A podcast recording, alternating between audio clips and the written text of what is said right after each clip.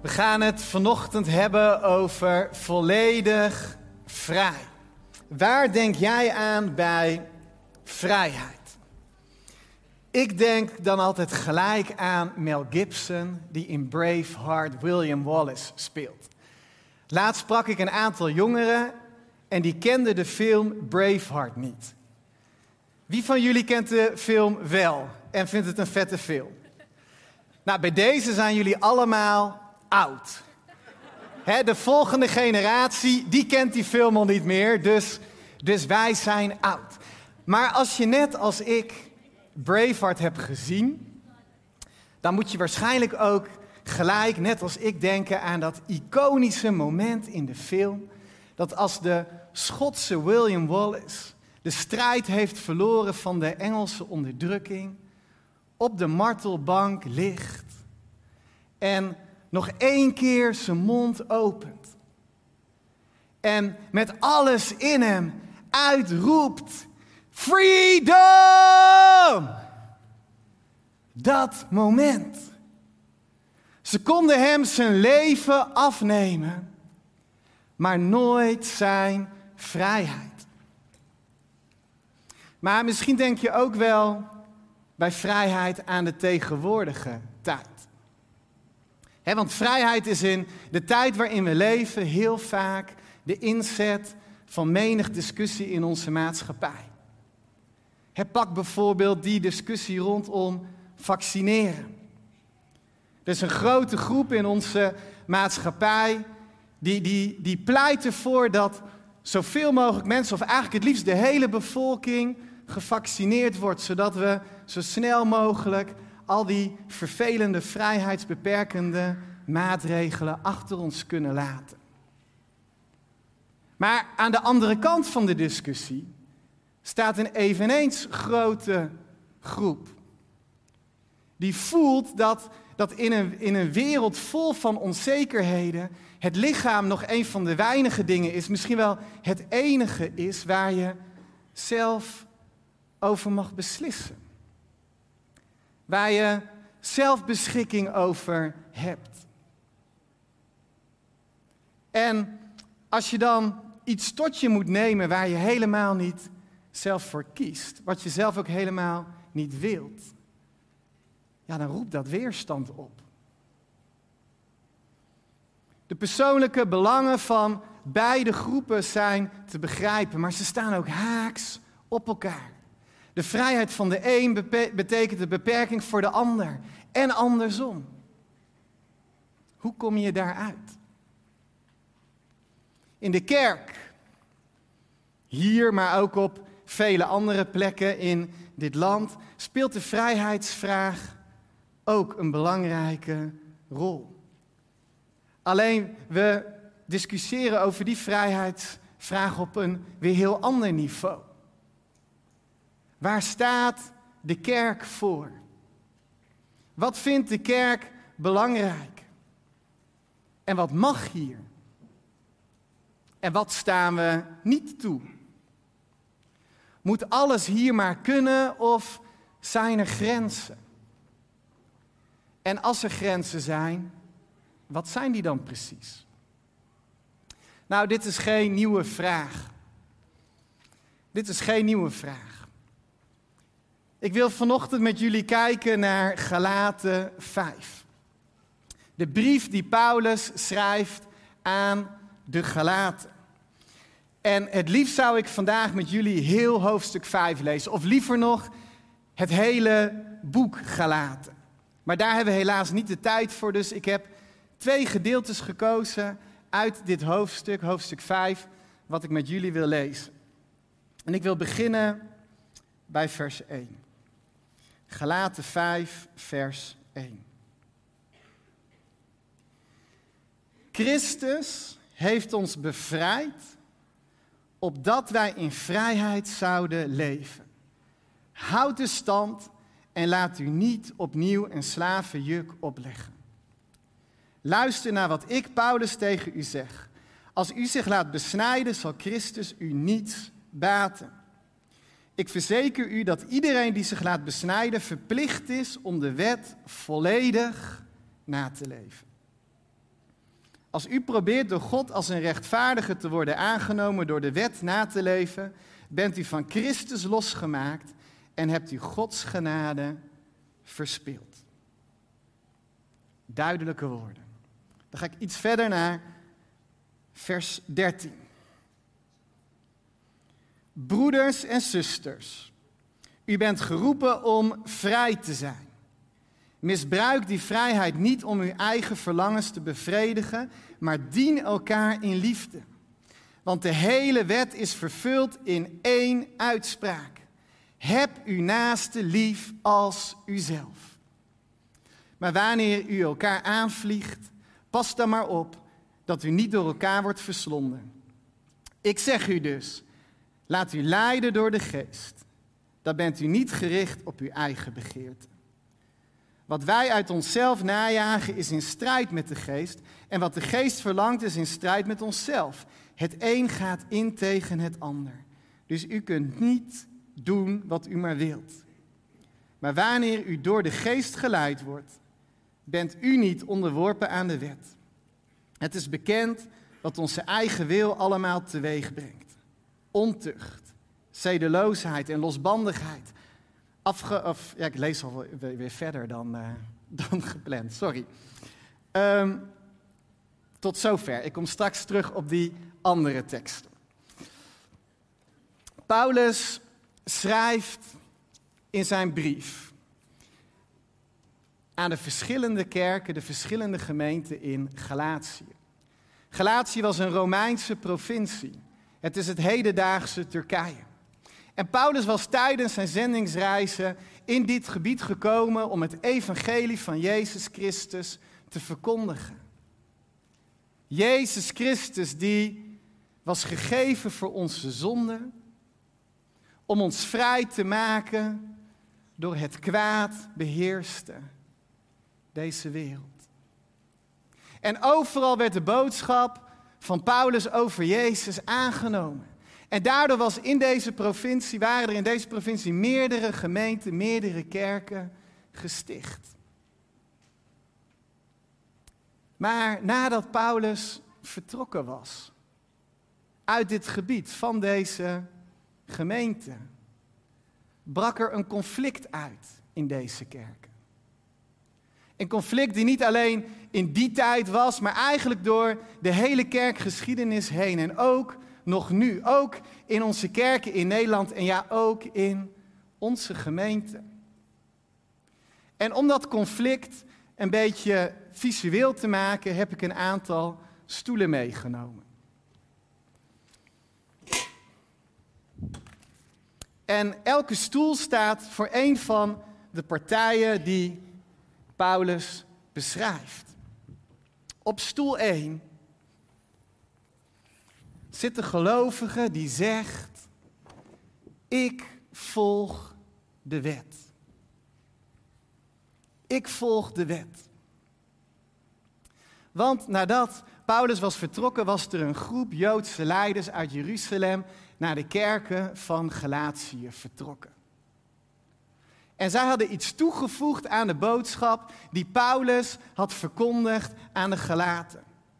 Deze Joodse leiders die zeiden, ja, het is goed dat jullie Jezus volgen. Het is goed dat jullie in Hem geloven. Maar het is ook nodig dat jullie, alle, alle nieuwe gelovige mannen, zich laten besnijden. Want dat is wat de wet voorschrijft. Dat is wat God zelf verteld heeft in het Oude Testament. En dat niet alleen, nee, alle nieuwe gelovigen, man en vrouw, moeten zich houden aan de wetten van Mozes. Om recht voor God te staan, om rechtvaardig verklaard te worden, om de goedkeuring van God te krijgen, moet je niet alleen geloven in Jezus. Nee, je moet je ook houden aan de wetten van de Torah. Ik volg de wet. En er was een grote groep die zich hield aan wat hun opgedragen werd door deze Joodse leiders. Toen maar ook nu. De gelovige die is gaan zitten op de stoel, ik volg de wet. Deze gelovige die kent het woord van God en hij weet wat de wet van God hem voorschrijft. Hij spant zich in om zich zo goed mogelijk te houden aan alles wat de wet heeft bepaald en hem vertelt. Hij streeft ernaar met alles in zich om zich te houden aan de bepalingen en de richtlijnen die hij ziet in het woord van God. En dat niet alleen. Nee, deze gelovige vindt het ook belangrijk om anderen te wijzen op datgene wat in de wet staat.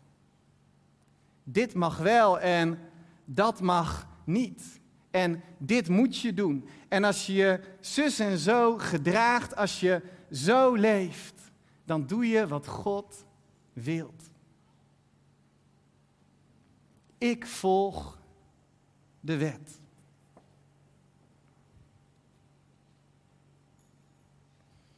Maar er waren ook gelovigen in Galaten die er anders in stonden. Zij gingen op die andere stoel zitten. Die zegt, ik ben vrij van veroordeling. Want ja, die, die gelovigen in Galaten, die, die ontvingen de Joodse leiders, maar dat bracht ook verwarring. Het riep ook vragen bij ze op.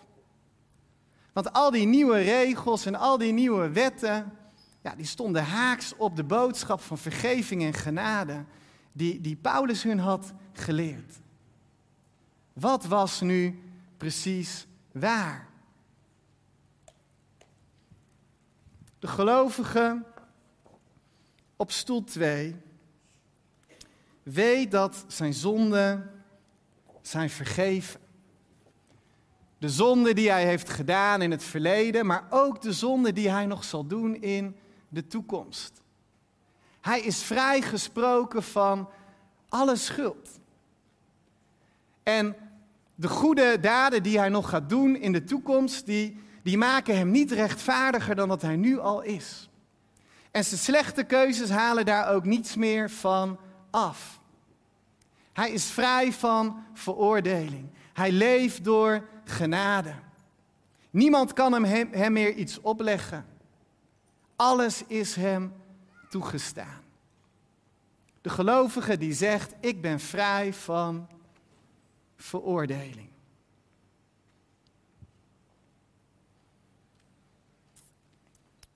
En dat klinkt heel mooi, maar het roept ook een belangrijke vraag op. Want als je vrij bent van veroordeling, hè, als er geen straf meer komt op de foute dingen die, die jij nog gaat doen, ja, maakt het dan eigenlijk nog uit wat je doet? Maakt het dan nog uit als je zondigt? Als er toch geen gevolgen meer zijn, is dat dan geen vrijbrief om maar te doen waar je zin in hebt? Eigenlijk alles waar de gelovige op stoel 1 zoveel moeite mee heeft. Welke van deze twee is dan waar? Nou, het mag duidelijk zijn dat de gelovige op stoel 1 en de gelovige op stoel 2, ik hoop dat je het ook op de camera goed kan zien, ik zet hem nog even weg, recht tegenover elkaar stonden. Ze waren het niet met elkaar eens. De gelovige op stoel 1, die verwijt de gelovige op stoel 2 dat ze de heiligheid van God niet serieus nemen. En dat het leven van die gelovige op stoel 2 er precies hetzelfde uitziet als die van ongelovigen. Er is geen verschil. En de gelovige op stoel 2, die verwijt de gelovige op stoel 1 dat die, dat die wettisch en oud-testamentisch is. Dat die de genade en de vergeving van God niet serieus neemt. Nou, hij valt nu al om. Ja. Nee. Nou, dan leg ik ze allebei maar even neer. Ze zijn in strijd met elkaar. Wie heeft gelijk? Gelovige 1 of gelovige 2? Het is een discussie, het is een vraag die ook vandaag de dag nog volop speelt. Nou, Paulus die maakt eerst korte metten met stoel 1. Hij heeft daar wel wat over te zeggen. Hij maakt in de brief aan de Galaten duidelijk dat het opleggen van verplichtingen vanuit de wet de focus afhaalt van Jezus en plaatst op de eigen kracht van de mens.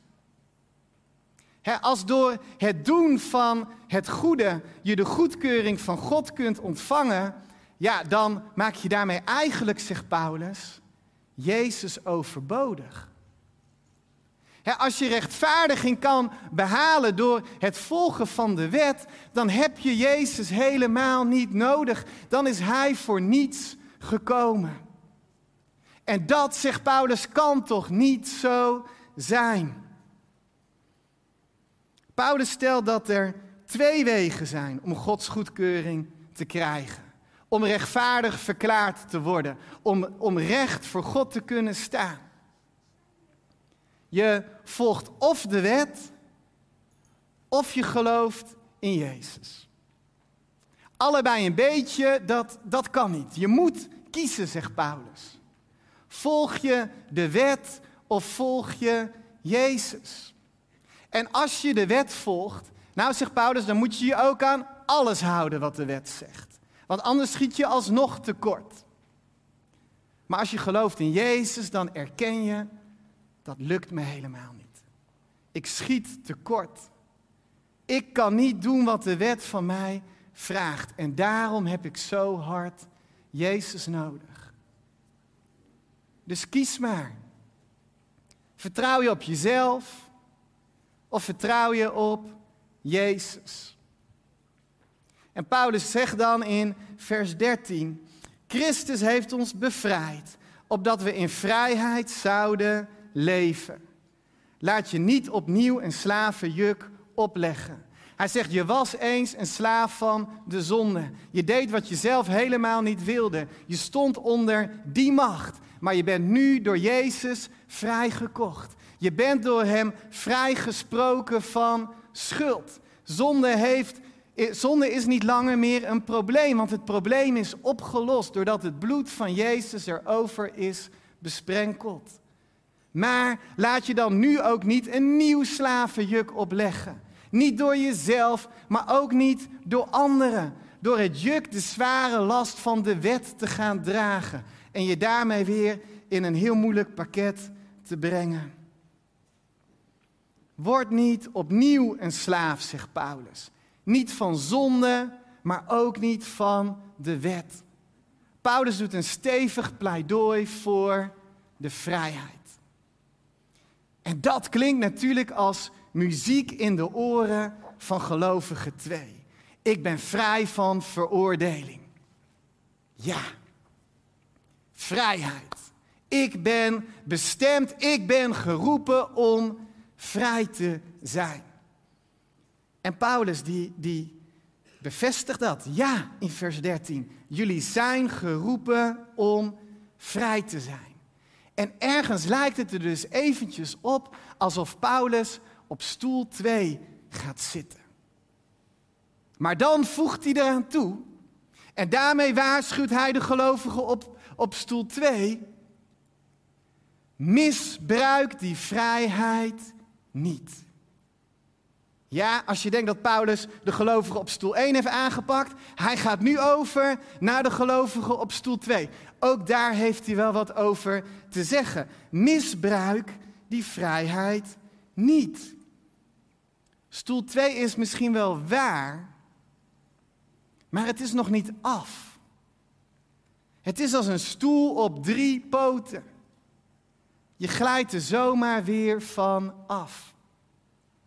Want ja, we zijn geroepen om vrij te zijn, maar onze vrijheid heeft een doel. En de bedoeling van onze vrijheid is niet dat we maar kunnen doen waar we zelf zin in hebben. Dat we maar doen wat we zelf willen. Ik was net al even doorgelezen in mijn Bijbel, omdat ik er zo lekker in zat in Galaten 5. Maar in versen 19 tot 21 maakt Paulus duidelijk wat dat teweeg brengt. Losbandigheid, seksuele zonde, occulte praktijken, ruzies, het vormen van partijschappen. En hij gaat nog wel eventjes door met, met dingen oproepen die die vrijheid, die geen veroordeling teweeg kunnen brengen als we daarbij gericht zijn op onszelf. En al deze dingen, dat mogen duidelijk zijn, hebben helemaal niets te maken met het koninkrijk van God. Nee, Paulus zegt, je bent geroepen om vrij te zijn. Niet zodat je je eigen wil kan doen. Niet zodat je kan doen waar je zelf maar zin in hebt. Nee, je bent geroepen om vrij te zijn. Zodat je kunt liefhebben.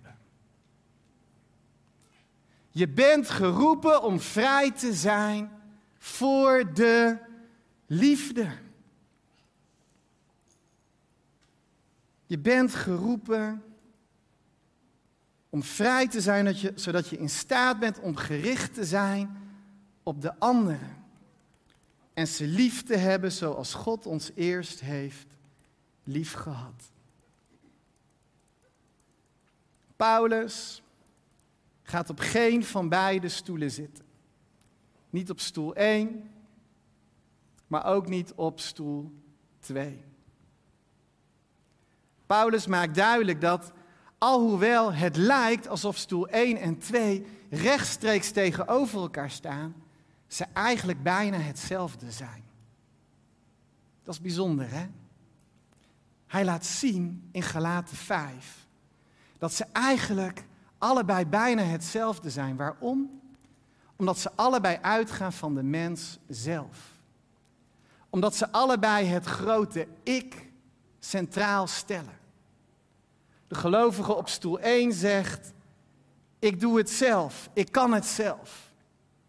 En de gelovige op stoel 2 zegt, ik bepaal het zelf. En allebei schieten ze tekort, omdat ze uitgaan van de grote ik. En daarom vindt Paulus het nodig om een derde stoel te introduceren.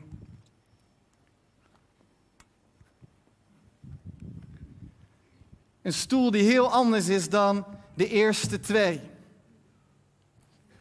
En hierop zit de gelovige die zegt: Ik word geleid door de geest van God.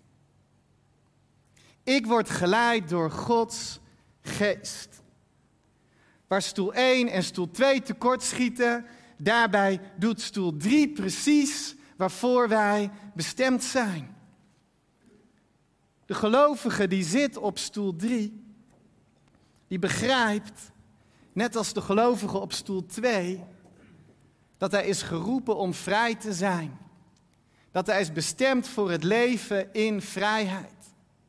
Maar anders dan de gelovige op stoel 2, weet hij dat het niet betekent dat hij maar kan doen waar hij zelf zin in heeft. Dat hij zijn eigen wil kan volgen. Want zijn eigen wil is niet meer zo belangrijk. Nee, op het moment dat hij koos voor Jezus Christus, op het moment dat Jezus in zijn leven kwam, in zijn hart kwam, werd, werd zijn hart veranderd en werd zijn wil vernieuwd. Het ging er niet meer langer om wat hij zelf wil, maar wat de geest wil. En ondanks dat de gelovige op stoel 3, net als de gelovige op stoel 1, begrijpt dat je dus maar niet kan doen waar je zelf zin in hebt, maar dat je bewust keuzes maakt voor wat je wel doet en, en wat je niet doet, doet hij in tegenstelling tot de gelovige op stoel 1 dat niet omdat hij daartoe verplicht is of omdat iemand hem dat heeft opgelegd, maar omdat hij dat zelf wil en omdat hij gericht is op de liefde. Want nogmaals, zijn wil is nieuw gemaakt. Zijn wil is veranderd. Zijn wil is in overeenstemming gekomen met de wil van God op het moment dat hij de geest van God ontving. Ik word geleid door de geest van God. Ik word geleid door Gods geest. En de gelovigen op stoel 1 en de gelovigen op stoel 2, die worden een beetje onrustig van deze gelovigen. Ja, ook die valt mee. Ze worden een beetje onrustig van deze gelovigen. Want, zegt de gelovige op stoel 1, deze is wel een beetje vaag. Deze is wel een beetje onduidelijk. Hè, wat, wat, wat betekent het precies om geleid te worden door de geest? Zijn daar wel duidelijke kaders voor? En de gelovige op stoel 2, die kijkt naar, naar de gelovige op stoel 3 en die denkt, ja, maar um, ja, geleid door Gods geest, misschien moet ik dan alsnog dingen doen die ik helemaal niet wil. En we weten allemaal best wel goed dat als Gods geest gaat spreken tot ons, dat er soms dingen aanwijst in ons leven wat we helemaal niet zo leuk vinden. we, we kunnen daar onrustig van worden. Maar, zegt Paulus, het leven door de geest, het leven op stoel 3, dat is het echte leven. Dat is het leven in volledige vrijheid. Dat is het leven zoals God het heeft bedoeld. De ontdekking dat ik niet langer leef, maar dat Christus met zijn geest leeft in mij. Dus mijn vraag aan jou vandaag. Op welke stoel zit jij? En natuurlijk willen we als, als gelovigen, misschien zit je ook wel, ben je niet gelovig, kijk je er weer anders naar. Maar als gelovigen willen we natuurlijk allemaal kunnen zeggen, nou, wij zitten op stoel 3. wij laten ons leiden door de geest. Maar als ik eerlijk naar mijn eigen hart kijk, dan zit ik heel vaak op stoel 1 en heel vaak op stoel 2. Eigenlijk verschilt het ook nog wel eens. In wat voor bui ik ben of welke situatie of, of wat ik meemaak. Oh, er zit zoveel oordeel in mijn hart. En oh, er zijn zoveel momenten dat, dat het me allemaal ook niet zoveel uitmaakt. Op welke stoel zit jij als je eerlijk kijkt naar jouw hart? Steeds opnieuw confronteert de geest mij met gebieden in mijn leven waarin ik handel vanuit de wet en niet vanuit de liefde. En steeds opnieuw confronteert de geest mij met gebieden in mijn leven waarin ik meer gericht ben op mezelf dan op de ander. Maar terwijl Gods geest in mij werkt, merk ik dat ik steeds meer op Hem ga lijken. Terwijl Gods geest in mij werkt, wordt Zijn vrucht in mijn leven steeds meer zichtbaarder. En wat is die vrucht? Als we verder lezen, versen 22 en 23. De vrucht van de geest. Als, je, als je wil zien of iemand werkelijk op stoel 3 zit, dan kun je dat herkennen in zijn leven. Doordat je ziet in zijn leven liefde, vreugde, vrede, geduld, vriendelijkheid, goedheid, geloof zachtmoedigheid en zelfbeheersing. Als je deze karaktereigenschappen in iemand ziet, dan kun je zeggen, hij is werkelijk vrij. Hij is volledig vrij. Hij leeft het leven wat Jezus aan hem heeft gegeven. Hij leeft het leven door Gods geest. Wat wij als kerk nodig hebben.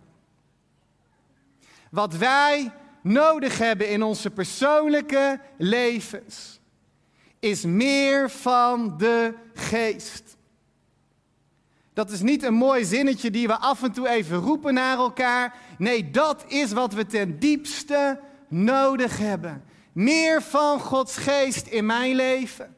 Meer van Gods geest in mijn hart. Meer van Gods geest in deze kerk. Daar zijn we voor bestemd. Dus laten we ons niet al te druk maken over de vrijheden die de wereld ons kan geven, maar ook weer van ons af kan nemen. Nee, laten we ons inspannen. Laten we ons uitstrekken naar de vrijheid die alleen Christus Jezus ons kan geven. Hij heeft ons bevrijd, zodat wij vrij kunnen zijn. Leef als vrije mensen. Leef door Gods geest. Amen. Laten we samen gaan bidden.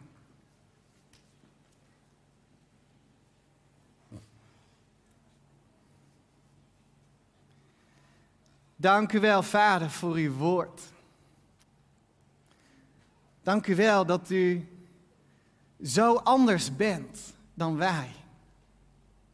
En dat uw gedachten en uw wijsheid zoveel hoger zijn die van onszelf.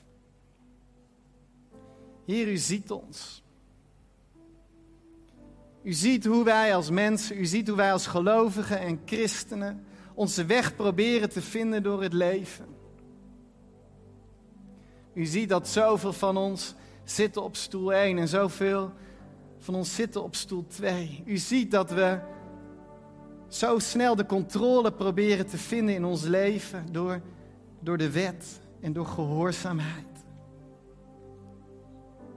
U ziet dat we zo verlangen naar, naar vrijheid. Maar ook dat we daar soms zo in doorslaan. Dat we zo gericht kunnen zijn in onze vrijheid ook op onszelf. Wat het ons geeft en wat het ons biedt. Jezus, we bidden voor de uitstorting van uw geest in onze harten. We bidden dat opnieuw. Vergeef ons. Vergeef ons als we slaaf zijn van de zonde. Vergeef ons als we slaaf zijn van de wet. Zet ons vrij. En stort uw geest uit. Stort uw geest uit in mijn hart. Als jij dat vandaag samen met mij opnieuw wil zeggen, wil je gewoon met mij gaan staan op dit moment en je handen openen en zeggen: Heer, stort uw geest uit in mijn hart. Meer van uw geest. Meer dan gisteren, meer van uw geest. Ik leef niet meer, maar u leeft in mij door uw geest.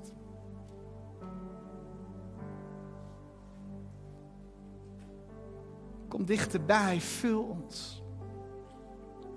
Wij bidden voor de volheid van uw vrucht in ons leven.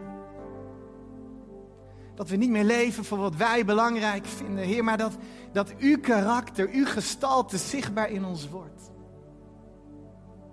Heer, we bidden dat we werkelijk de kerk mogen zijn die u heeft bedoeld. Niet zoals we die zelf voor ons zien. We bidden dat we de kerk mogen zijn die, die uw karakter uitleeft. Zodat als deze wereld kijkt naar deze kerk, dat ze dan u zien. U door ons heen.